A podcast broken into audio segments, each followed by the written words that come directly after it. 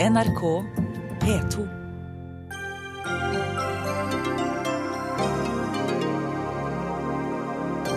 Kulturministeren vil gjøre Norge lekkert for norske og utenlandske filmprodusenter, men filmmeldingen er så vag at filmprodusentene og investoren ikke skjønner hvordan.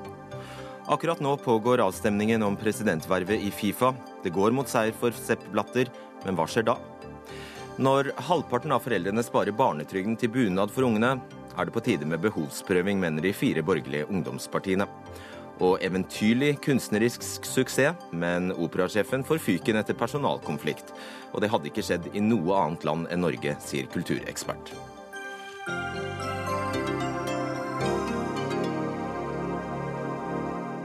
Og før klokka er 19 skal vi også snakke om David Camerons europaturné, for eh, hvor lite inne kan Storbritannia være før de er ute av EU?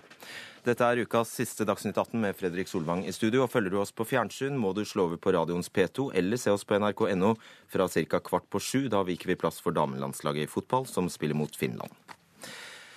Et nytt tilskuddsregime og en insentivordning skal gjøre det attraktivt å lage film i Norge. I dag ble den etterlengtede filmmeldingen lagt fram av kulturminister Toril Vidvei. Og du skal snart slippe til, kulturminister, men først vil jeg høre med de som eh, skal bite på og satse på film i Norge. En av dem er deg, investor Geir Eikeland eh, i Eikeland og Haug. Dere har investert mer enn 50 millioner kroner i norsk film. Er filmmeldingen til Vidvei det grønne lyset du trenger? Nei, altså for å si det slik, at om jeg skal legge godviljen til, så kan jeg kanskje gi denne meldingen et gult lys. Men da legger jeg ganske mye godvilje til. Derfor at meldingen inneholder jo ingenting som er direkte insentiver for oss som investorer til å gå inn i norsk film. Det har for så vidt ikke skjedd siden Haugesund i fjor heller. Det har for så vidt ikke skjedd i hele tatt siden vi ble kulturminister. Men den inneholder heller ingenting som gjør at Eikeland og Haug vil dra ut all vår kapital av norsk film. Så jeg har sett et gult lys der fra nå det begynner frem mot august august, så får vi se hvordan det går. Men nei, definitivt ikke grønt lys. Toril Lidvei, eh, hva syns du om dette? For det første så mener jeg at det, de grepene vi tar, det er det første vi gjør, det er jo nye filmpolitiske mål som viser både retning og vår visjon for norsk film. For det andre så eh, lar vi tilskuddssystemet bli enklere og mer dynamisk. At man kan raskt tilpasse seg nye utfordringer i eh, bransjen. Eh, og ikke minst også at forvaltningen skal bli mer effektiv med mindre byråkrati. Jeg ser jo sånn som det har vært til nå, så har det jo vært altså ikke mindre enn 14 ulike tilskuddsordninger med underkategorier og flere særordninger. Det sier seg selv at det, det roper ikke på veldig fleksibilitet for å snu seg om når bransjen trenger det. For det tredje så vil vi styrke de regionale filmmiljøene, og vi kommer til å innføre en insentivordning og en ny tilskuddsordning for uh, disse konsoliderte fondene. Og Det vil jo være en styrke for samarbeidet med bl.a. de private. Og For det fjerde så etablerer vi en nasjonal statlig politikk for filmformidling. Det er også nytt, og det er helt nødvendig. Jarle Tangen, du er produsent i Loop-film og har bl.a. vært med på å lage den eh, utenlandske Ex-Machina som eh, kan ses på kino for tiden. Eh, og nå står det i flere nettaviser at Norge er klare for flere Hollywood-produksjoner. Er du enig i det? Ja, bransjen er nok klar, men denne initiativordningen som skal legge til rette for det, er jo ikke klar. Det har kommet noen veldig sånn uklare signaler i dag fra fra Vidvei, som egentlig ikke sier noe om verken størrelsen på den eller hvordan den skal hvordan den skal være, hvor stor den skal være, eller om det er noe tak, altså hvor høyt taket skal være på den. slik at de signaler hun sender ut, er veldig, veldig ulne og uklare. Så det er ingen som setter seg på flyet med det første nei. Det var ikke noe hurrarop derfra heller, Toril Budvei? nei, for det første så eh, ønsker vi å innføre denne insentivordningen fra 2016 av. Det står fast. Jeg har sagt at nå vil vi komme tilbake i budsjettet for 2016 eh, med forslag til rammen for hvor stort dette skal være. Eh, og det er ikke uvanlig at man har tak på en sånn type bevilgning. Eh, det har Irland har en øvre grense på 105 millioner kroner. Frankrike har en øvre grense på 80 millioner kroner. og Det er flere andre land som også har et tak på dette. Så det er ikke nytt. For det tredje så er det innfasingen på denne, måten, hvordan innretningen skal være på selve insentivordningen. Det har jeg også sagt. at Vi viser til det som bl.a. er ordningen på Island, en refusjonsordning og jeg har sagt at vi bør legge oss på et europeisk nivå på de ordningene som fungerer i Europa. Det er en refusjonsordning et sted mellom 20 og 25 Men, uh, det er ikke så mye uklart som, som det gir uttrykk for her. De overdriver kanskje litt. Eh, Men hvorfor hadde det ikke vært mer stas å kunne legge fram denne insentivordningen når du først eh, var i gang? Ja, altså jeg mener det at Vi har signalisert at dette kommer til å starte fra 1.1. I, i 2016. Det er jo sånn at eh, Vi skal bevilge penger til dette. her, og Det er jo ikke sånn at man bare bevilger penger ja, altså nesten ut i lufta. Det er klart det her er budsjettiltak. Og det som jeg har forsikret om, at Dette kommer ikke til å gå på bekostning av de andre tilskuddsordningene. Vi ønsker å satse. Vi mener det er et klokt tiltak. Vi lever i et fantastisk land med enorme muligheter. Flott natur, eh, arkitektur. Norge bør være et attraktivt innspillingsland. Både for utenlandske selskaper og utenlandske produksjoner, men også for norske. Tangen. Jeg synes det er interessant du nevner Island. Jeg har nettopp pratet med før jeg gikk inn i studio nå med min kollega på Island, som bl.a. har produsert James Bond og Batman og flere filmer. Og det han sier at gjør det, det systemet de har på Island så innmari lett og greit å forholde seg til, er at det er en garanti for at du får igjen 20% av alle penger du legger igjen på Island når du filmer der. Og da er det forutsigbarhet i det, og du slipper å gå gjennom lange søknadsprosesser med all den usikkerheten som, som automatisk slår inn da. Og det som er viktig for oss, er å ha forutsigbarhet. At vi kan si til våre potensielle kunder at dette gjelder, og du trenger ikke å gå lange lange runder med søknader med usikkert resultat. Du vet at du får det. Og Eikeland, du kaller denne insentivordningen, altså det som etter hvert blir en insentivordning, for en kalddusj. Ja, altså, Helt overordnet så, så vil jeg bare si til det som Vidve nylig sa, at, at jeg betviler jo ikke at Tore Vidve har gode intensjoner og vil det beste for norsk film og er en veldig hyggelig person, men meldingen er litt om man skal si, litt vidveisk i sin stil. Det vil si at det er nydelige overskrifter, og man burde vært, jeg skulle være ordentlig kverulant dersom ikke jeg skulle være enig med de fire overskriftene som Vidve presenterte i dag. Det er usikkerheten rundt disse underpunktene som er litt vanskelig. Og For å komme til intensivordningen så er den litt interessant. For senest i går så anklaget Siv Jensen opposisjonen for i skattespørsmål å gi med ene hånden og ta med andre. Og dette er akkurat hva som skjer med intensivordningen. Man ønsker en, intensiv, en insentivordning der man skal gi da støtte til produksjoner i Norge. Men samtidig legger man begrensninger på den, slik at dersom man vil benytte seg av denne ordningen, så vil man da ikke få tilgang til verken forhåndsstøtte eller etterhåndsstøtte. Dette regnestykket går ikke opp for norske produsenter. Dette er, dette er ikke bra for norsk film. Insentivordningen er flott for utenlandske produsenter, men det hjelper ikke ambisiøse norske filmskapere. Vidvei, to eh, beskyldninger her. Du, Vidvei er vidveigsk, og eh, insentivordningen er å ta med den ene hånda og gi med den andre. Eller omvendt. Jeg Jeg registrerer i dag at det er veldig mange positive tilbakemeldinger på at vi nettopp er, har besluttet at vi ønsker å få innført en insentivordning, som jo jeg har merket meg at bransjen har ropt etter ganske lenge. Og flere ulike miljøer, ikke minst eh, NHO, Reiseliv, mange andre har sagt at dette er et godt tiltak. Jeg mener også at det vil være med på å styrke norsk filmmiljø, fordi at du vil føre både internasjonal kapital, men også kompetanse gjennom filmskapere og produksjonsmiljøer, som også kan knytte tette kontakter med de regionale miljøene, som vi også ønsker å styrke. Eh, understreke igjen at vi skal eh, gjøre denne prøveordningen med de regionale fondene til å bli permanent. Vi vil også tilføre de eh, fondene midler. Jeg mener det vil være en god styrke for at vi kan klare å utvikle et godt miljø i Norge. Tangen, eh, i filmen du har bidratt i, ser vi sekvenser fra eh, landskapshotellet Juve i Vassdal på Valdal. Uh, Unnskyld, Valldal på, uh, på Sunnmøre. Hvordan fungerer filminnspillingen her i Norge? Hvordan fungerer Norge? Hvordan fungerer dette i Norge? Nei, det som skjer er jo at eh, altså Først og fremst gjør vi mest reklamefilmer, for det er det det er mest av. Store, tunge spillefilmer kommer sjelden til Norge. Og når de kommer, så prøver de å ta med seg absolutt så mye de kan. Fordi at det er altså det er billigere å fly stabsmedlemmer inn fra London enn det er å ta norske Så de er som tyske bobilturister? Ja, rett og slett, De har med seg nesten maten sin. De er ikke helt, det er ikke helt der, men eh, de har med seg så mye som de kan, fordi de sparer penger på den måten. Og det er det vi vil gjøre, at vi får norske filmarbeidere i mye større grad inn på disse produksjonene, fremfor at det skal komme folk fra London eller Los Angeles for å ta de jobbene. Altså, det er helt riktig hva Tangen sier her, men utfordringen er at det er ingen norske produsenter som skulle ville bytte ut forhånds- og etterhåndsstøtte mot en insentivordning, når man faktisk kan produsere i utlandet med utenlandske insentivordninger og likevel få den norske støtteordningen. Regnestykket går bare ikke opp. Det er et dårlig regnestykke, og dette vet Vidvei. Ja, Vidvei? Jeg mener, jeg mener at dette er en ordning som har blitt etterspurt. Vi har hatt tett kontakt med bransjen. Vi har hatt ulike innspill, eh, eh, mens vi har planlagt denne filmmeldingen. Og tilbakemeldingene er veldig tydelige. Altså, De ønsker en insentivordning innført. Nå er vi eh, faktisk klar til å innføre en insentivordning. Eh, og jeg føler meg rimelig trygg på at dette vil være et godt bidrag for at man skal kunne være med på å heve også miljø, eh, det øvrige filmmiljøet i Norge. Men Hvis du er klar med den, så er det ikke bedre å komme med den? Fortell oss hva den skal bestå i. altså Hvor mange prosent er det det dreier seg om, og hva er taket for den? Og hvilke kriterier er det den skal gjelde for at man skal få den?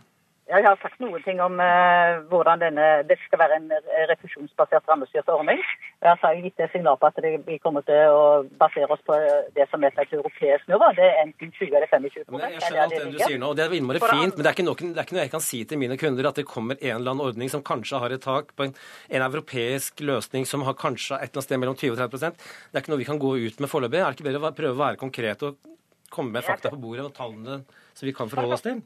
Ja, For det første så er det sånn at eh, denne, dette er en stortingsmelding som skal behandles i Stortinget. Vi skal prøve å få et bred oppslutning om eh, denne filmpolitikken for årene som kommer. Den blir behandla først i høst. Og så kommer statsbudsjettet for 2016, hvor vi kommer til å legge inn midler som eh, skal dekke dette. Og det er klart at det vi har sagt når det gjelder ordningen, den skal altså også gjelde for norske produksjoner. og Vi foreslo noen avgrensninger da mot NFI sine tilskuddsordninger som er. Det kan faktisk eh, kombineres med før produksjonstilskudd, altså et utviklingstilskudd og f.eks. lanseringstilskudd etter produksjonstilskudd. Men vi har sagt at det da ikke skal kunne kombineres med produksjonstilskudd, altså forhåndstilskudd og etterhåndstilskudd. Jeg føler meg rimelig trygg på at dette er et godt tiltak, og jeg er veldig stolt over at vi har klart å få dette til. Vi må sette punktum der. Takk skal dere ha, Toril Vidvei, Geir Eikeland og Jarle Tangen. Dagsnytt 18 alle hverdager kl 18.00 på NRK P2 og NRK2.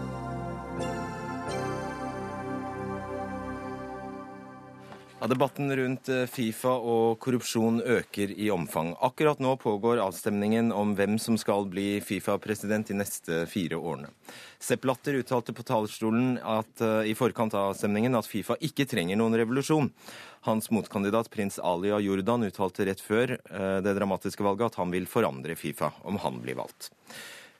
Yngve Hallén, du skal være med oss. Du er president i Norges Fotballforbund, og du er i Zürich uh, nå, og valget har nettopp funnet sted. Hva er, hva er utfallet?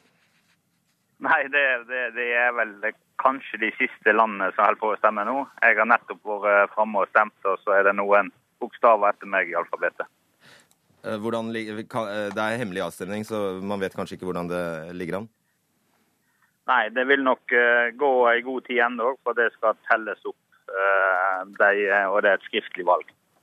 Men vi har, vi har, fått noen pekepinner i det siste, og det ser, ser, ser jo ut som at, at Blatter drar det i land. Ja, det, det, er lavest odds på det, men eh, jeg syns uh, selve valgprosessen ved at Blatter og prins Ali holdt hver sin tale, så kom alle prins Ali klart best ut av det. og Han feiser problemet på, som Fifa har, på en mye bedre måte enn Blatter. Så og Jeg føler også på applausen i salen, så var den meget jevn. Hva var det Blatter mente med at eh, Fifa ikke trenger noen revolusjon? Nei, Det må du nesten spørre han eh, om. Eh, han har faktisk de siste dagene, i motsetning til hva han pleier eh, ellers med problem som dukker opp, da pleier han å unngå å snakke om dem. Denne gangen har han faktisk snakket om dem. Men han har jo på en måte ingen løsning på hvordan vi skal komme ut av det. Han tar ingen konsekvenser sjøl for det han skal gjøre, og det er et problem. og det tror jeg mange har merka seg i, i, salen, også hans støttespillere. Hvordan fordeler verden seg? Altså, hvordan fordeler eh, stemmegivningen seg, sånn grovt sett? Ja, den er veldig vanskelig. Europa er nok eh, en stor majoritet for prins Ali. Ellers så er det veldig delt rundt omkring hos de andre. De andre er ikke så vel organisert for Europa heller. sånn at eh, eh der vil nok det sprike mer innenfor de eh, ulike føderasjonene. Og Det er jo det vi håper at eh, når, det er, når det er mulig å få noen med der, at vi kan øke den andelen. Og Hvordan ser du nå for deg samarbeidet mellom Fifa og det europeiske fotballforbundet etter dette? Nei, Hvis, eh, hvis Blatter vinner, så vil det bli svært utfordrende. Svært, svært utfordrende. Og vi allerede for uker siden begynt å diskutere hvordan dette Eh, hvordan vi skulle håndtere den situasjonen og konsekvenser ut av det. Hva kan bli mulige konsekvenser? Ja, det, jeg tror de blir mer drastiske enn en, en, en noen har skjønt. Utdyp gjerne. Ja, det er vanskelig å, å si nå. Det, mest sannsynlig så vil det komme noen sterke krav mot Fifa hva som skal til, og, og, og med noen konsekvenser hvis ikke det blir innfridd. Snakker vi da om brudd? Da, ja, da kan det være, gå helt til brudd. Eh, dere, altså Norges Fotballforbund har jo fått kritikk for at dere har, ikke har reagert på at mesterskapene i 2018 og i 2022 ble lagt til henholdsvis Russland og eh, Qatar. Er det noe du vil ta selvkritikk på nå? Nei, det tar ikke jeg selvkritikk på. Altså, dette er en annen situasjon rundt, eh, rundt det. Men det er klart at uh, de tingene kan komme opp igjen, da, men i lys av den prosessen som Fifa er inne i. Ok, Det blir noen spennende timer også. Takk skal du ha, Yngve Hallén, med oss fra Zürich. Hans B. Skase, tidligere idrettspresident, velkommen til deg. Takk for det. Eh, du har også engasjert deg i Fifa-saken, bl.a. på Twitter. Hva sier de siste dagers avsløringer deg? Vel, dette er en kjempesak. Den har politiske årtoner. Og den har altså allmennpolitiske og idrettspolitiske overtoner. Eh, den avslører eh, et parallellsamfunn kalt fotballsamfunnet, som lever på siden av og har oppfattet seg selv som det viktigste samfunnet. Og eh, det er for meg det helt sentrale i denne saken. Jeg vil ikke utdype det nå nærmere, men bare det er en opptak. du bare opptak. konstaterer at slik har det blitt? Slik har det blitt. Altså, og eh, vi er, vi er alle skyldige i en viss forstand, fordi vi har latt det skje. Altså Folk har latt det skje, land har latt det skje. Andre Medlemmene, inklusive Norges Fotballforbund, har latt det skje. Og så har det vokst så langt at man har kommet på defensiven. Man er ikke i stand til å kontrollere det som har skjedd. Så Fifa lever sitt eget liv, altså sentrale Fifa. De har skaffet seg penger for å utøve den makten eh, over medlemmene, som medlemmene ikke er i stand til å ta i tur med. Uh, Håvard Melnes, du er redaksjonssjef i fotballtidsskriftet Josimar. og Det er akkurat dette du har skrevet om i uh, en kronikk kalt 'Apatiens apostler' i VG i dag. Uh, hvem er det du først og fremst sikter til? Da sikter jeg til ledelsen i NFF. Altså, så sikter jeg til president Ingvar Lehn. Jeg sikter til generalsekretær Kjetil Siem. Til herren Shake of Peace-ambassadør Jan Åge Fjørtoft. Altså, I dag så sier, presterer Yngve Hallén å si at det er svært utfordrende hvis Blatter blir gjenvalgt. I går så vurderte han fremdeles å, å stemme på Blatter. Sånn at det, altså det Yngve Hallén og NFF har i fire og et halvt år sittet og sett på at Fifa er en gjennomkorrupt organisasjon uten å løfte en finger, uten å si fra og stå opp mot korrupsjon. Eh, I tillegg så er jo pga. korrupsjonen så har jo Fifa tildelt de to neste VM-ene til to diktaturer, henholdsvis Russland og Qatar. I Qatar vet vi at det vil dø eh, kanskje opp mot 4000 fremmedarbeidere eh, under byggingen av infrastruktur i forbindelse med VM. Dette har NFF-ledelsen selv sagt at dette er ikke fotballens sitt problem. Samtidig så predikerer man fred, eh, fred gjennom eh, Handshake of Peace-prosjektet. Altså Fotballspillere har tatt hverandre i hånda siden den aller første kjente offisielle fotballkampen i 1863. Uh, altså det, det, blir så rart. Man taler med to tunger. På den ene siden så vil man ha fred, og på den andre siden så samarbeider man med diktaturer. Jeg skal bare gjøre oppmerksom på at vi takket uh, altså av Yngve Hallén, så han får ikke svart på kritikken eh, du kommer med her. Vi skal uh, gå til deg, Espen Aas, vår korrespondent i Storbritannia. For denne Fifa-saken har også vært debattert i det britiske parlamentet i dag? Ja, eller i går ble det en stor sak her i fotballens hjemland, hvor naturlig nok denne saken dominerer nyhetsbildet i stor stor grad, men havnet altså også inn i parlamentet i går, da eh, man egentlig skulle debattere eh, regjeringserklæringen. Men Fifa-saken kom eh, raskt opp, og mm, landets nye kulturminister John Whittingdale sa at dette raidet mot Fifa var noe som langt fra overrasket ham, og han kalte Fifa for en dypt korrupt organisasjon, og hyllet bl.a. den engelske avisen Sunday Times, som har avslørt mye av disse korrupsjonspåstandene som nå er rullet opp eh, for mange måneder tilbake. Eh, og mange av parlamentsmedlemmene mente også at Fifas 111 år nå måtte snart være ved veis ende, og at det burde opprettes eh, andre, en annen organisasjon som i stedet burde behandle kommende Ja, og bare minn oss kort om eh, hva beveggrunnen kan være til at engelskmennene viser så stort engasjement for, mot Fifa i disse dager? Ja, Det skal jo ikke stikkes under en stol at England jo søkte om å avholde VM både i 2018 og 2022. eh, Og eh, det har vært eh, selvfølgelig en viss egeninteresse her eh, også eh, hele veien. Skuffelsen var stor da eh, det ble Russland som fikk 2018 og da eh, Qatar i, i 2022. Og nå eh, når det kommer alle disse påstandene om at spillereglene ikke er, er fulgt, så eh, kjøres det selvfølgelig på eh, for fulle mugger i alle medier. Torbjørn Jagland, du er generalsekretær i Europarådet med oss på telefon fra Strasbourg. Hva er din kommentar til det som nå skjer i Fifa? Ja, For det første så er det viktig å understreke at uh, idrettens integritet er jo et stort samfunnsmessig spørsmål. Og det er mange spørsmål som nå er involvert i det. Alt fra doping til tribunevold, uh, kampfiksing og nå da korrupsjon i idrettsorganisasjonene. På alle disse områdene har Europarådet anerkjente internasjonale juridiske instrumenter, konvensjoner og overvåkningsmekanismer som, eh, som vi bruker, og som medlemslandene våre har sluttet seg til. Eh, F.eks. den med, mot eh, kampfiksing, som nå også Fifa og IOC promoterer veldig sterkt. Når det gjelder korrupsjon, så har jo vi den eneste internasjonalt anerkjente konvensjonen som alle 47 land, pluss mange utenfor Europa, bl.a. USA, har sluttet seg til, som har etablert felles lover og standarder for hvordan man skal bekjempe eh, korrupsjon. Hva har dere da konkret gjort eh, i forhold til Fifa?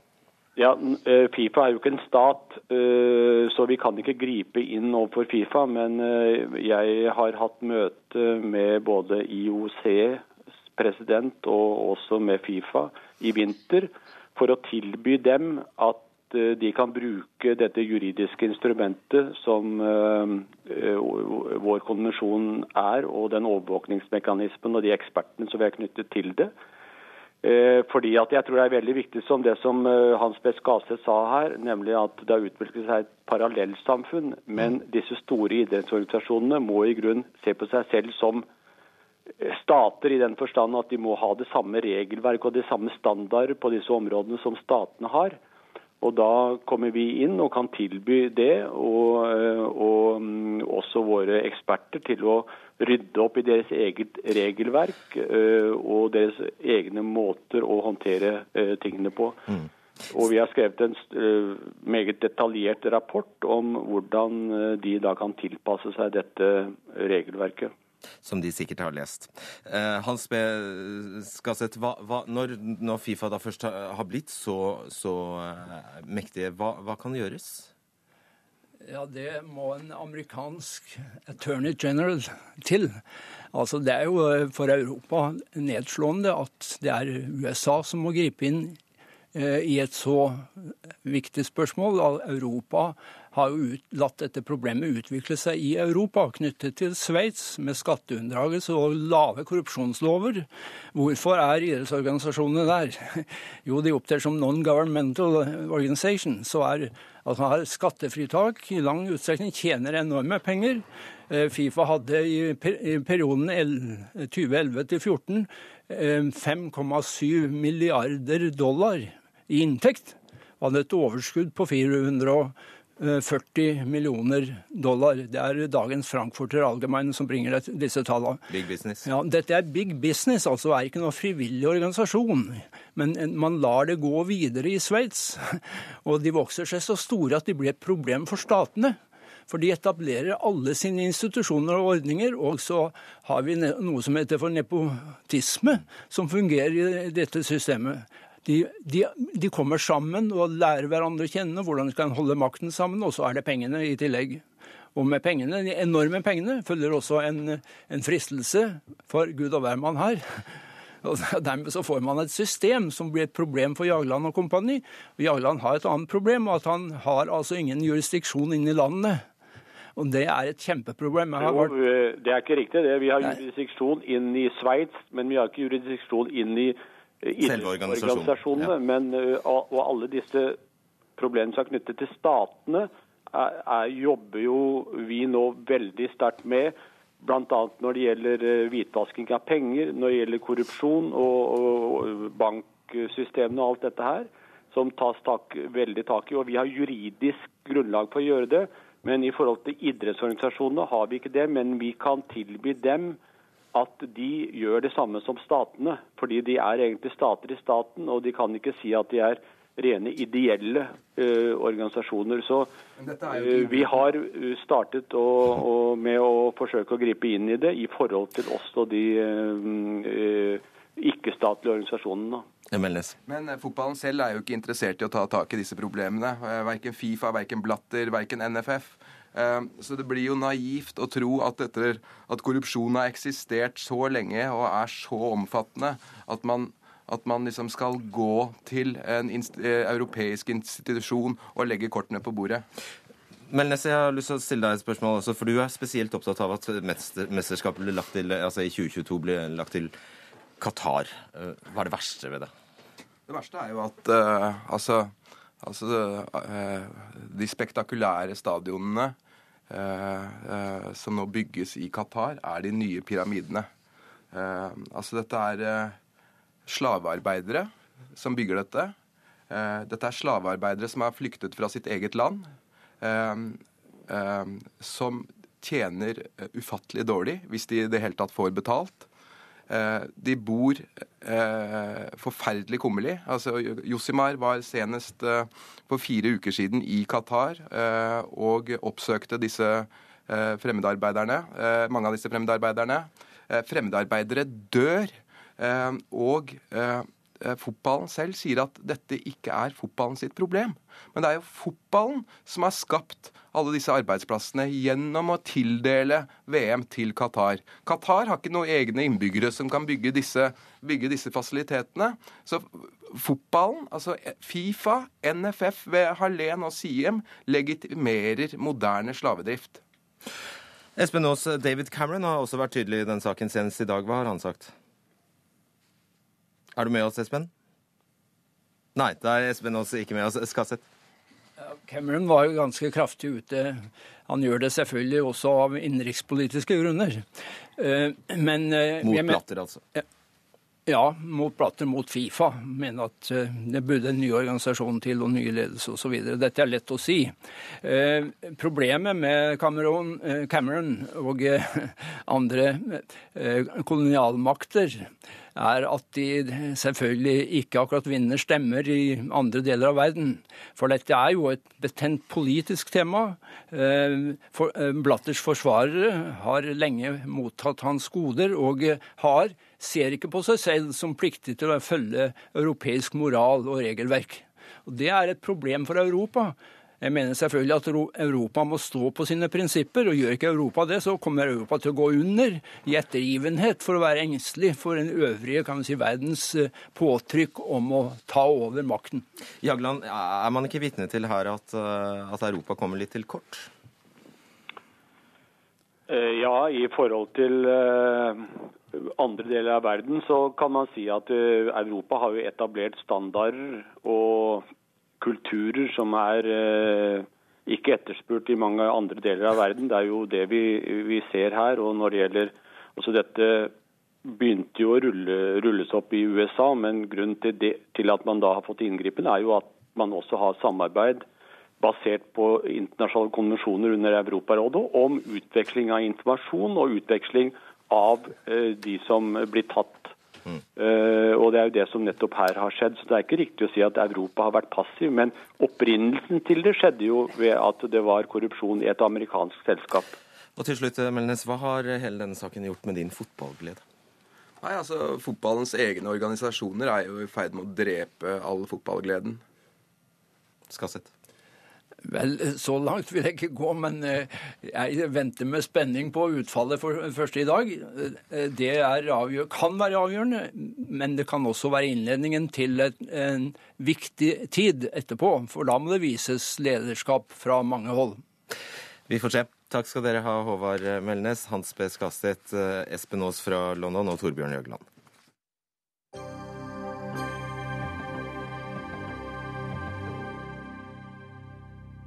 De fire ungdomspartiene på borgerlig side, FPU, Unge Høyre, Unge Venstre og Kristelig Folkepartis Ungdom, går inn for behovsprøving av barnetrygden. De mener husholdninger som tjener mer enn 1 million kroner samlet, ikke bør få barnetrygd.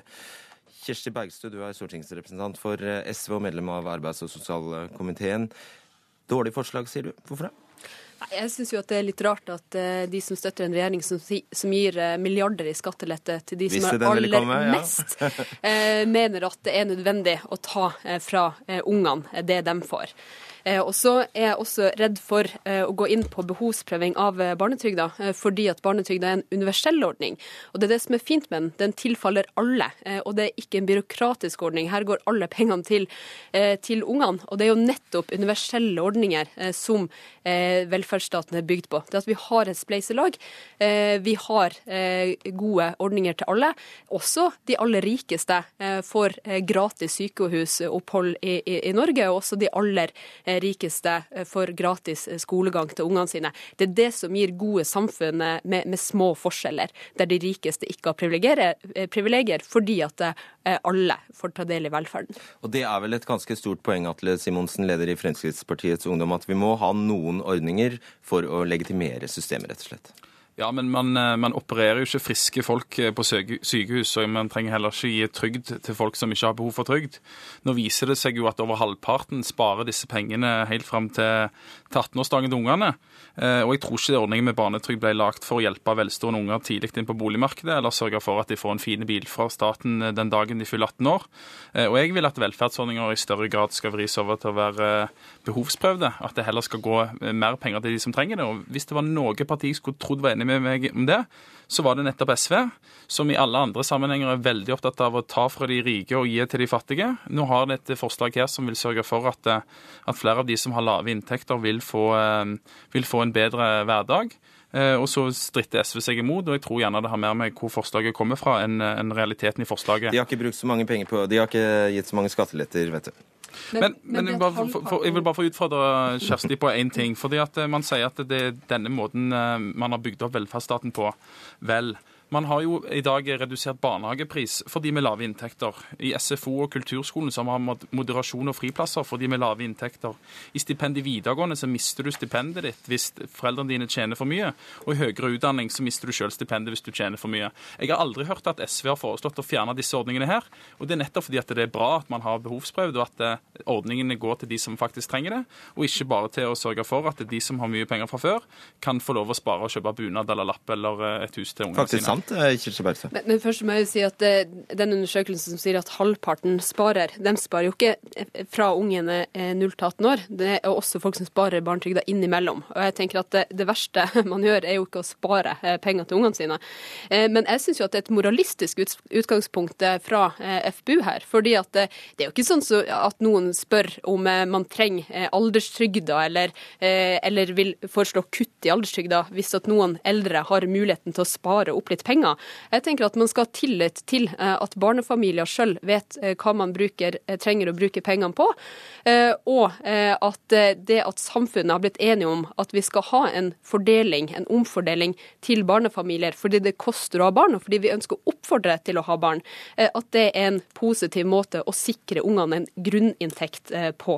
Og så har jo SV foreslått å øke barnetrygda til enslige forsørgere, og vi har foreslått å øke den til familier med mange barn. Det har ikke dere støtta. Eh, og det ville jo vært en veldig målretta måte eh, å sørge for at de som fikk aller eh, mest, eller trengte den aller mest, også fikk mer. Fordi den har altså stått stille bom stille på 970 kroner nå i veldig veldig mange år. Atle Simonsen, det er jo et poeng. Det mest rettferdige må da være å øke hele barnetrygden? Ja, det har vi også foreslått tidligere, men, men Kjersti møter seg jo selv skikkelig i døra her. Kunne si at man skal ha universelle ordninger, men kunne så si at ja, men man har jo foreslått å øke det for noen grupper som mottar barnetrygd. Og Tidligere i dag i NRK så sa Kirsti Bergstø at det var stigmatiserende, og at det føltes som man gikk på fattigkassen hvis man økte eh, barnetrygden barnetrygden for de med lav inntekt. Eh, og Det er kanskje Nei, det det er det dårligste jeg argumentet jeg har jeg har hørt sagt. eh, så langt. Nei, det er Eh, argumentet mot behovsprøving. Det at man skal stå med hua i handa og være fattig, verdig trengende for å kunne få en ytelse som fungerer utmerka i dag, og som virker utjevnende. det er jo akkurat det man gjør med enslige forsørgere i dag, Kirsti, at de kan få mer barnetrygd for et ekstra barn eh, hvis de er enslige forsørgere. Nettopp fordi de trenger det mer. Atle Simonsen, du må si noen ord om hva du i stedet vil bruke pengene på, da. Jeg ønsker at man kan kutte barnetrygd for de som tjener over 1 million, eh, og så kan man heller sørge for å øke barnetrygden for de som, som tjener mindre, sånn at, det, sånn at de får en bedre økonomi. Og så kan man gjerne bruke noe av pengene på skattelette til, til vanlige arbeidere, og sørge for at det lønner seg mer å, eh, å stå på litt ekstra Så ikke gratis barnehage og SFO? Nei, det tror jeg ikke er lurt eh, å gjøre. Eh, Man har allerede moderasjonsordninger for de som går i barnehage, sånn at de betaler mindre hvis de har eh, dårlig råd. Men dette er ikke et eh, altså Barnetrygden har aldri betydd noe for Kjell Inge Røkke eller Rimi Hagen sine unger. Men det kommer til å bety veldig mye for de som lever i barnefattigdom i dag. At de kan faktisk dra på den fotballturen, eller at de kan dra i det bursdagsselskapet. Og de syns det er veldig rart et parti som SV, som alltid er opptatt av å ta de rike, ikke vil være med på et forslag som faktisk kan hjelpe eh, folk ut av barnefattigdom. Vi ønsker å beholde barnetrygda for alle unger, fordi vi ikke ønsker å nettopp eh, angripe den som en universell eh, ordning. Eh, Det er eh, sånn at vi må lage ordninger som passer inn i vanlige folks liv. Eh, Og vanlige folks liv så kan inntekt forandre seg. Du kan bli eh, alene og oppleve samlivsbrudd, du kan bli sjuk, du kan eh, endre eh, jobb og, Ja, livssituasjon mister og gå ned i eh, får Og da og får da du barnetrygd igjen. Du, da trenger du nettopp de eh, plankene i gulvet som velferdsstaten er, eh, å stå på. Eh, og det at vi sikrer unger en grunnleggende eh, inntekt uavhengig av foreldrene sin økonomiske situasjon, eh, ja, det er nettopp veldig god forebygging. Og det har Fordelingsutvalget slått fast, at barnetrygda er en av de aller mest treffsikre ordningene for å sikre eh, omfordeling i et samfunn. Og UNICEF er helt tydelig på at hvis man øker barnetrygda, ja, så vil man også bekjempe store deler av barnefattigdommen. Og da får du Det siste å- ord, Simonsen. Ja, men det, det er jo rart at man sier at det hjelper for omfordeling. For hvis det er en ting som hjelper med omfordeling, så vil det jo være å sørge for at de som har mest behov for ordningen, heller får 500 kroner ekstra i, i måneden, istedenfor at det skal være Kjell Inge Røkke eller Brimihagen, som knapt merker det, eh, som får en tusenlapp i måneden. Takk Ikke skal noe dere nytt med hua i handa fra FPU. ha. Kirsti Bergstø og Atle Simonsen.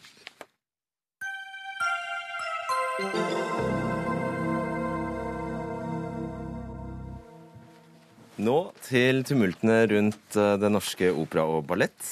For eh, de fleste syns å være enige om at operasjef Per Boje Hansen har bidratt til eventyrlig kunstnerisk suksess. Men likevel får han altså ikke fortsette når åremålet går ut om to år. Og nylig avgått styreleder Ellen Horn bekrefter at det er personalkonflikter som ligger bak, og for så vidt gjorde vel egentlig eh, Hansen det selv i et intervju med Aftenposten i dag også. Donatella de, de Paoli, du er førsteamanuensis i kultur og ledelse ved Handelshøyskolen eh, BU. Og for ordens skyld, du er italiensk. Det stemmer. Det er relevant i denne ja, sammenhengen. Ja, det er absolutt relevant. Opera er italiensk. Så det, For da er mitt spørsmål, og jeg er glad i opera òg. Ja, det er bra. Mm. Alt er relevant. Kunne en italiensk operasjef med kunstnerisk suksess fått sparken pga. samarbeidsproblemer eh, med de ansatte? Nei, det kunne nok ikke skje. Fordi eh, kunsten er hevet overalt eh, i Italia. Og har en helt annen type betydning. Og så er jo opera selvfølgelig virkelig nasjonalkulturen. Så det kan være en despot av en leder, men Ja. eh, Og det er det jo en del som er òg, det må jo sies. uten dermed å, å antyde at Nei, Per nei. Boje Hansen er noe i Nei, nei, nærheten nei, av det. bare så det er sagt. Nei, nei. Blir det lett å erstatte Boje Hansen? Nei, jeg har snakket litt eh, Det er eh, veldig vanskelig. Det er ikke slik at Norge har et stort oppbud med operaeksperter som også kan beherske ledelse. Så det, ville nok bli et problem. Den forrige operadirektør var jo eh, britisk, Paul Curran.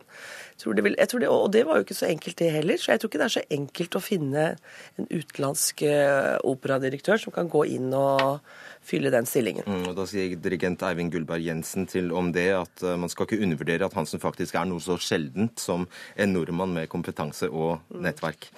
Eh, Bente Eriksen, du er direktør ved Nobels fredssenter og har altså i eh, ja, mange år bak seg som teatersjef ved Riksteatret, og du har vært filmregissør og produsent. Ja, kan eh, kunstneriske ledere tillate seg å eh, være mer eksentriske? Litt sånn vanskelig? Ja, jeg tror at det er, viktig for, for, kunstneriske ledere å være grensesprengende. Det tror jeg virkelig. Jeg tror det er viktig at de, om de ikke er eksentriske, som jeg syns er et litt tilgjort begrep, så tenker jeg at de skal virkelig ha visjoner og sine, føre sine medarbeidere fremover. Men de kommer ingen vei uten medarbeidere. Og det tipper jeg gjelder også i Italia. Ja, de Slik at eh, Jeg kjenner nemlig ikke denne saken annet enn fra media, så jeg kan ikke uttale meg om Den norske opera. Men jeg tenker at den sjefen, den kunstneriske sjefen som ikke får med seg sitt kunstneriske ensemble, den sjefen har tapt. Men nå må jeg jo si at eh, sett fra utsiden, og siden jeg går på operaen regelmessig, så må jeg jo si at eh, når man bedømmer det ut ifra forestillingene, og energien og vitaliteten, så syns jeg det ser veldig bra ut. Og det er det som også er, for å si det slik, jeg er jo veldig tilhenger av gode, godt arbeidsmiljø, og jeg selv vil jo selvfølgelig bli tatt med på beslutninger. Men eh, nå viser jo faktisk forskjellige undersøkelser at akkurat kunsten er et felt hvor eh, det kan at sjefer eller ledere som er ganske destruktive og tyranniske til del, kan faktisk fungere. Eh, for hvis de er faglig veldig veldig gode, og alle bøyer seg i stø, de er veldig flinke faglig, så kan de få en slags sånn legitimitet. Og nå gjelder jo ikke det bare operaen, det gjelder også egentlig andre kunnskapsorganisasjoner. Og Hansen sier jo selv til Aftenposten i dag at det å skape kunst er altså ingen øvelse i demokrati. Nei, men Det har ikke noe med demokrati å gjøre. Det handler om egentlig, og jeg, jeg tror ikke du kan se ut på en scene om skuespillerne er dritforbanna på en, en, regissør eller noe sånt noe. Så lojale er man jo. Men den dagen du står der uten skuespillere, da sliter du, ikke sant. Så, så jeg tenker at ja, visjonene, ja, utidig, ja, autoritær spiller ingen rolle. Fordi kunstnere går for det hvis de ser det samme målet som den kunstneriske lederen, det tenker jeg er det aller, aller viktigste. Så syns jeg jo også at denne her myten om disse eksentriske kunstnerne er litt gammeldags, altså. Jeg, jeg mener virkelig det er, er, det ikke samtidig den som pipler til overflaten nå? Se på alle regissørene for, for eh, de store teaterregissørene i Norge, filmregissørene det er veldig få av dem du skriver om at de er så utrolig sære og veldig spesielle og herser med settet eller under prøvene. De fleste av dem er forholdsvis normale, men de klarer å få med seg mennesker som har sterke følelser. Og det har kunstnere. Det har for så vidt folk i alle kunnskapsbedrifter, tror jeg. Uh, De Poli, kan den, hvis vi kan kalle det det, den sosialdemokratiske norske arbeidsmodellen stå, kan den stå i veien for uh, stor kunst? Jeg mener at ikke altså, Det som er spesielt, er at i kunsten så virker det altså fordi altså, det, det, er et av de få scenene hvor man ikke har problemer med motivasjon, selv med tyranniske ledere. Jeg mener ikke at man skal fremme ledere som er vanskelig og dominerende og undertrykkende, men det virker som om hvis, altså, fordi drivkraften er så sterk på det å jobbe sammen og få fram den eh, prestasjonen, og så, så, er det akkurat som de samme tingene gjelder ikke der som veldig mange andre deler av arbeidslivet. Da skal jeg bare eh, til eh, de som måtte se oss på fjernsyn, eh, si at nå må dere slå over på NRK P2 på radio, eller se oss på nrk.no hvis dere vil fortsette å følge oss. Eriksen, ja? Jeg snakker ikke om sosialdemokrati, altså. Jeg snakker om hva som er lurt for å få det beste ut av folk. Psykologi. Yes. er, er, det ikke vanskelig å unngå konflikter da, når, i en bransje hvor, der mange vil stå fremst på scenen? Jo, det kan du si. Men eh, jeg syns ikke at jeg opplever, eller har opplevd, eller har hørt om det i så stor grad. For, nettopp fordi de beste regissørene faktisk får med seg de gode folka til å gjøre gode ting. Ikke sant? Men da må jeg bare si at det er en presisering. Altså, fordi det er forskjell på å lede en produksjon og det å være en operadirektør som er kunstnerisk ansvarlig for programmet. Da. Det, som jeg, det som jeg tror er også medvirkende her, er jo faktisk selve modellen som, de, eh, som er blitt valgt, eh, som er kontroversiell, og den var den jo når de innførte den. Og da snakker den. du om at det er to kunstneriske ledere under en administrerende ja, direktør. Ja, det, ikke sant? Fordi, og delt ledelse praktiseres overalt. Men, men, eh, det er klart når du setter direktøren på organisasjonskartet øverst, og du også rekrutterer en fra næringslivet som er vant til at en direktør er en direktør, og har det siste ordet i alt, og, ikke sant, så... Her har jo også styret åpenbart hatt noe å si. Ja, selvfølgelig. Uten at jeg, jeg ja, ja, igjen presiserer at jeg snakker Det er viktig at det er ikke bare personkonflikt, men det er jo faktisk modellen som skaper en et problem her. da. Du har jo den samme modellen som fungerer aldeles utmerket, for den er i Sverige i alle teatre og i operaen. Og Mm. der, så vidt jeg har skjønt, fungerer den helt utmerket, så det handler vel mer om Personer, det handler om hvilke personer du velger, og hvordan de fungerer sammen. da. en, en teatersjef med en direktør under seg som heller ikke kan samarbeide, er jo Nei, da, det akkurat kan- like gærent. Det er så klart, men du kan si at den modellen er jo sårbar fordi den er avhengig av at uh, folk fungerer sammen. Da. Og det jeg har inntrykk av når jeg snakker med direktører i i teatret, uh, så har jeg inntrykk av at ofte så er de ganske ydmyke og egentlig tilpasser seg litt den, teater, den teatersjefen som kommer inn. Og at det er en sånn stilltiende forståelse av at uh, vi er jo til tjeneste. Administrasjonen og det støtteapparatet er liksom mer til tjeneste for de kunstneriske lederne. Og det er jeg ikke sikker på om, om det fungerer sånn i operaen med den ledelsesmodellen og en person som ikke har jobbet med kunst før. altså, ikke det at jeg skal drive og forsvare den modellen, fordi jeg mener at enhver modell kan svikte dersom menneskene i den modellen ikke kan samarbeide. Så det er helt sikkert. Så, Ja. Men jeg mener at den modellen er spesielt eh, betenkelig, altså fordi at du faktisk eh, plasserer en eh, administrativ direktør øverst. Det ville aldri gått f.eks. på Handelshøyskolen BI eller et universitet. At den administrative direktøren var satt over rektor. Da ville det jo blitt virkelig opprør. Og i mange kunnskapsorganisasjoner. Jeg må rett og slett si takk til dere der, Bente Eriksen og Donatella Di Paoli. Hør Dagsnytt 18 når du vil. Radio NRK Radio.nrk.no.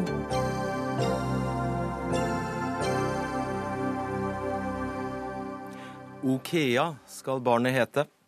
En ny oljebaby ser nemlig dagens lys når tidligere olje- og energiminister Ola Borten Moe fra Senterpartiet starter for seg selv, sammen med tidligere Det Norske-sjef Erik Haugane og Anton Tronstad. Oljeselskapet får base i Trondheim og skal ha en startkapital på over en milliard kroner. Gratulerer, Ola Borten Moe. Jo, tusen takk for det.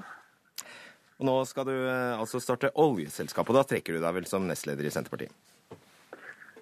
Nei, det har jeg ikke tenkt. Eh, Jeg har eh, jo også i dag en annen jobb enn enn å jobbe med politikk. Jeg er i dag ansvarlig for innovasjonsaktiviteten i Siva.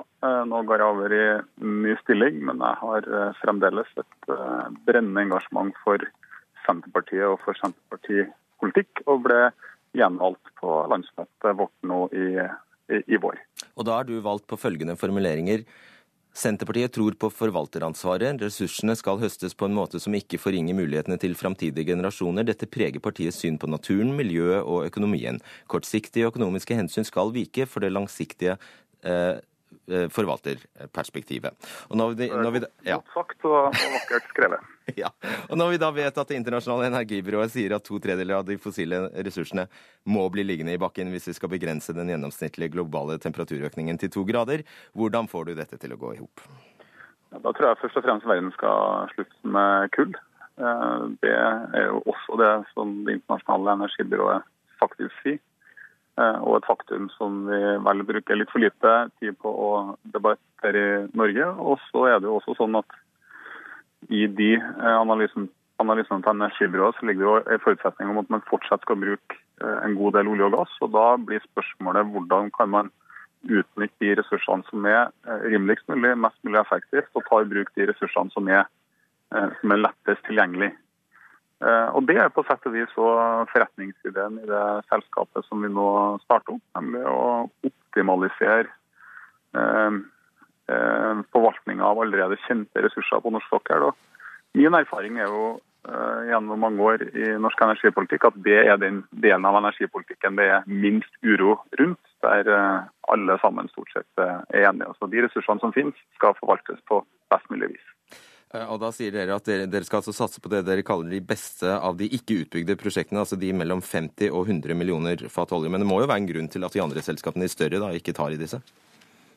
Ja, jeg tror eh, det er to eh, nøkkel, eller i hvert fall to veldig gode grunner til det. For det første så er det jo nettopp det at det er veldig mange store produksjonsselskap til stede på norsk sokkel. Og det er det veldig mye godt å si om, men de er kanskje ikke satt opp for, eh, og har kanskje også en kostnadsstruktur som gjør at denne type ressurser i alle fall ikke står øverst på lista deres.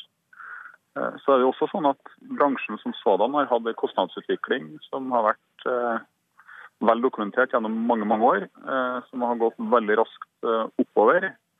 eh, og som nå ikke er bærekraftig. og Det gjør jo at det også er tid for eh, nye initiativ. Nye Eller kan man ikke da innrømme at det var jo litt av en timing? Det var jo veldig rart tidspunkt å gå inn i denne bransjen på, da. Jeg ville vel snarere sagt eh, motsatt. Okay. Jeg tror jo det er nettopp eh, nå at bransjen sådan er moden for å tenke annerledes. Det tror jeg ville ha vært veldig mye vanskeligere i et klima der man kanskje fikk 110-15 dollar fatet, og man tjente gode penger nær sagt uansett. Vil du bare gjenta hva du mener om oljeboring i Lofoten, Vesterålen og Senja? Det er jeg mot, eh, og det har jeg òg gitt eh, uttrykk for eh, alltid. Så jeg har aldri anbefalt at vi skal åpne nye områder for olje- og gassaktivitet. Så Okea holder seg langt unna Love. Ja, vi skal definitivt ikke være der. Vi skal operere på modne deler av norsk sokkel. Ja, og så skal dere forbli et lite selskap. Vi blir et lite selskap, og vi blir et nytt norsk selskap. Eh, Det er jo et eh, poeng i seg selv. Og for eh, dem av oss som har tilholdssted i Trøndelag, så er det jo morsomt å kunne melde at vi skal da holde hus i, i Trondheim. Så vi håper jo eh, å utvikle dette selskapet til å bli et fullverdig produksjonsselskap i løpet av noen år. Det er moro. Takk skal du ha, Ola Borten Moe, og til lykke med Okea.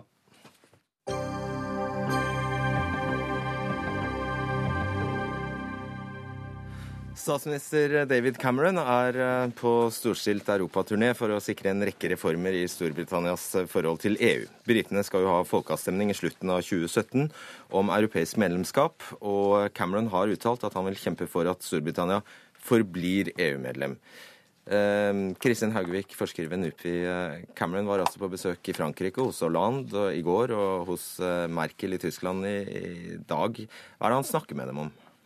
Nei, Cameron han har jo Før valget i Storbritannia nå, så har jo han lova at det skal bli en folkeavstemning dersom de fikk flertall og, og dersom de lykkes eh, med å reforhandle en avtale med EU. Så nå er han egentlig i gang med å oppfylle første steg i den prosessen. Han eh, har dratt til sine nøkkelpartnere i Europa. Og så skal han, eh, tror jeg vi kan si, sondere terrenget litt. Han skal høre om han har noen mulighet til å få gjennomslag for sine krav. Eh, Og han skal se om det er støtte der i, Polen, i, eh, i eh, Tyskland, i Frankrike og i Nederland, som er de fire landene han har valgt å besøke. Og Hva slags krav er det i hovedsak? Nei, Det er egentlig litt, foreløpig litt vagt. På den ene sida så har han for så vidt fått, fått med seg hjemmefra et ønske om å, å forhandle stort. Altså forhandle til og med traktatsendringer og til og med ned på de fire friheter, som er på en måte selve fundamentet for EU. Eh, Men rent praktisk så har han sjøl signalisert at her handler det først og fremst om, om rettigheter i arbeidslivet. Det handler om, om EU-borgere som kommer til Storbritannia for å jobbe. Det er et sentralt poeng. Eh, Og så er det litt mer det større og overordna, det som handler om at EU vil gå mot det de kaller en ever closer union, eh, og at Storbritannia kanskje vil, eh, vil ta det litt roligere i den prosessen. Og det baklandet han har å ta hensyn til hjemme, det er altså et, eh, noen deler av, selv store deler av det konservative partiet, og ikke minst UKIP. Det stemmer. Og når det gjelder UKIP, så har de altså sagt at uh, og UKIP vil ha Storbritannia helt ut av EU, så har de altså sagt at eh, Cameron prøver å gjøre Storbritannias forhold til, et, til EU til et spørsmål om arbeidsinnvandrernes rett til velferdsytelser, mens de egentlig mener det er snakk om et utdatert, beinskjørt og overregulert system. Så uansett nesten hva Cameron oppnår, så blir det ikke godt for UKIP. Og Jan Erik Grindheim, leder i Europabevegelsen, dette må han ta hensyn til. Det er helt klart. Altså, jeg er glad ikke er i sko. Han har det veldig vanskelig. Jeg tenker noen ganger Når du ser bilde av ham og Merkel som er i samme politisk parti, hvem trenger fiender når du har sånne som Cameron du må hanskes med? Hvis han da eh, går så drastisk i vei som at han krever endringer i traktaten, og faktisk endring, altså, eller å eh, sette, eh, stå utenfor en av de fire frihetene, hva skjer da? Det er klart, altså, EU er jo veldig oppsatt på å ha britene inne. Uh, Og de er oppsatt på alle inne, egentlig. fordi at uh, hvis land går ut, eller land skal ha veldig store unntak, så er det et, et slag mot prosjektet. Så de vil gjøre alt de kan for å få det til. Men britene har lenge snakket om å reformere EU og gå tilbake til det opprinnelige indre marked, uh, ha handelssamarbeid og slutte med all den politikken. Så, så er det nok mange i EU som også er enig i det at det går for langt. og Juncker har jo nå overtatt litt av tanken til forrige altså Jean-Claude Juncker, som er leder for kommisjonen, overtatt tanken fra forrige kommisjonsleder Barroso om en, en føderasjon, som du sier, Ever Closer Union. Og der er det veldig stor skepsis i mange land. Så, så Cameron er nok ikke uten støttespillere. Men Hollande avviste at det kan bli aktuelt å endre traktaten. Ja, Det som er interessant, er at eh, Angela Merkel etter møtet i dag eh, med Cameron faktisk signaliserte litt at, eh, at hun kunne være villig til å, og Tyskland da, kunne være villig til å høre hva britene har å si, og faktisk åpne opp den prosessen. Det syns jeg var litt overraskende. Eh, mens rapportene fra Polen var egentlig Ja, det, da virka det som det var mer, mer, en negativ og kritisk holdning til, til akkurat det britiske forespørselen. Ja, og der har i Polen så har altså en europaminister sagt at eh, dersom alle alle EU-landene kommer med en liste med krav om endringer, så betyr det slutten for det europeiske reisverket. At da vil EU rett og slett implodere. Ja, altså, både og, da. Vi kan jo tenke at uh, Storbritannia har jo allerede unntak f.eks. fra Schengen. Mm. Og med Storbritannia har Irland det samme unntaket, og Norge er i Schengen. Så sett og vis er Norge mer integrert i EU enn det Storbritannia er. Så, så, du kan allerede pick and choose. Men klart hvis alle skal ha et sånt uh, menyforhold til, til uh, samarbeidet, så kan det bli litt problematisk. Mm. Og det, En av disse frihetene som da Cameron eh, som, som, er viktigst for, for britene, det er altså fri bevegelighet av arbeidskraft. Helt sentralt. Mm, mm. Det er det. Det er absolutt eh, et helt sentralt spørsmål. Ja. Mm. Så hva kan de i realiteten oppnå? Nei, det er jo akkurat der. Eh, det er, det er, på en måte et veldig vanskelig spørsmål å, å, svare på, nettopp fordi at det, det, som Cameron gjør nå, det handler om de storpolitiske sonderingene. Og så når man etter hvert har fått en åpning, så vil det jo være byråkratene og teknikerne egentlig som skal inn og, og, se hva som lar seg gjøre innenfor eksisterende rammeverk. Jeg tviler på at det er på bordet nå, når Cameron snakker med, med sine, sine, kolleger i Europa. Men, men, det er nettopp det at det, er, det først handler om signalene, og så handler det på en måte om å få, få på plass detaljene. La oss si at de får et unntak for eh, fri av arbeidskraft. Da må jo det gjelde alle? Ja, Det er jo det som er det store problemet. Men uh, du kan si euroen gjelder ikke for alle. Schengen gjelder ikke for alle. Men så kan du si som Krisen sier, at det fundamentet er jo de fire friheter. Kan du gå på akkord med det? Mm, kanskje ikke. Og da må det nok gjelde alle. Men det er nok veldig mange som vil ha det også, da. Dessverre, vil jeg jo si. Og det som er litt merkelig, er jo at Storbritannia er et av de landene som klarer seg best økonomisk. Og de har også da en høy eh, innvandring. Og det viser faktisk at de landene som hadde store reaksjonspartier i forrige års eh, valg til parlamentet, eh, Sverige, Danmark, Østerrike, Nederland, Storbritannia, med ekstrempartier på høyresiden som fikk veldig, fikk veldig god støtte, de gjør det aldri godt økonomisk. Og det er litt merkelig. Mm. Bare minn oss om hvordan Cameron klarte å sette seg sjøl i en så umulig situasjon. ja, det er jo som, som Jan Erik det er jo som Jan Erik Grindheim er inne på her, at, at, det er jo ikke noe nytt at, at, Storbritannia har et problematisk eller hva skal vi si, litt ambivalent forhold til, til EU. De har på en måte ønska å være innenfor, men samtidig så har de, har de, også hatt litt problemer med å være med fullt ut og, og helt. Men hvis han eh, egentlig vil at britene skal stemme ja, hvorfor da utlyse en lov en folkeavstemning? Ja, det som, det som jeg tror vi kan si skjedde, var jo det at man har en veldig stor fraksjon i det konservative partiet eh, som er europaskeptisk politiske. Eh, og den fraksjonen har egentlig fått lov å vokse seg litt stor nå, nettopp pga. som du var inne på, UKIPs, eh, UK Independence Parties fremvekst. Um, og nettopp for å på en måte tilfredsstille den delen av partiet litt, som begynte å bli mer og mer høyrøsta, uh, så, så, valgte da Cameron å, å gå ut med, med, dette. Og så vil jeg jo si at det nok reflekterer en, en generell holdning i, i, det britiske samfunnet om at EU på en måte er et litt sånn stort og, og byråkratisk og uoversiktlig plass, eh, hvor det kommer masse lovgivning som blir, eh, blir påtvunget britene. Da. Sånn det, det, er en, det, er nok en, kombinasjon av de to tingene, vil jeg tro. Grinheim, kan vi se for oss et EU uten Storbritannia? Ja, det tror jeg nok er fullt mulig, men jeg tror det veldig, sitter veldig langt inne. Og det er klart det, det snakkes mye om grexit og brexit og hva det måtte være. og Det, det er nok mye lettere å gi slipp på Hellas enn å gi slipp på Storbritannia. Og hvis Storbritannia skulle gå ut, hva skjer da med et eventuelt norsk medlemskap en eller annen gang? Det er jo der eh, vi har vært i debatt allerede her. fordi at eh, La meg heller si det sånn, jeg syns det er veldig synd at Norges fremtid skal bestemmes av hva alle andre gjør og ikke avansert. Men da er det hevet over enhver tvil at da blir vi bare ikke medlemmer. Det har du nok helt rett i. Hva tror du om det? Da tror jeg i hvert fall eh, vi vil ha et, et stort land ved vår side utenfor. og Det er klart at eh, det kan også gjøre at Norge kommer litt i skyggen. Eh, det kan være litt vanskeligere å heve stemmen og, og gjøre seg synlig hvis man har stor, et stort land som Storbritannia som er på utenfor og skal ha alle sine spesialavtaler. Det er spennende timer for Europa, dette her. Kristin Haugevik og Jan Erik Grindheim, tusen takk skal dere ha. Og med det er punktum satt for ukas siste Dagsnytt 18, som Berit Ytterhus hadde ansvaret for. Teknisk ansvarlig var Lisbeth Seldreite, og jeg heter Fredrik Solvang. God helg.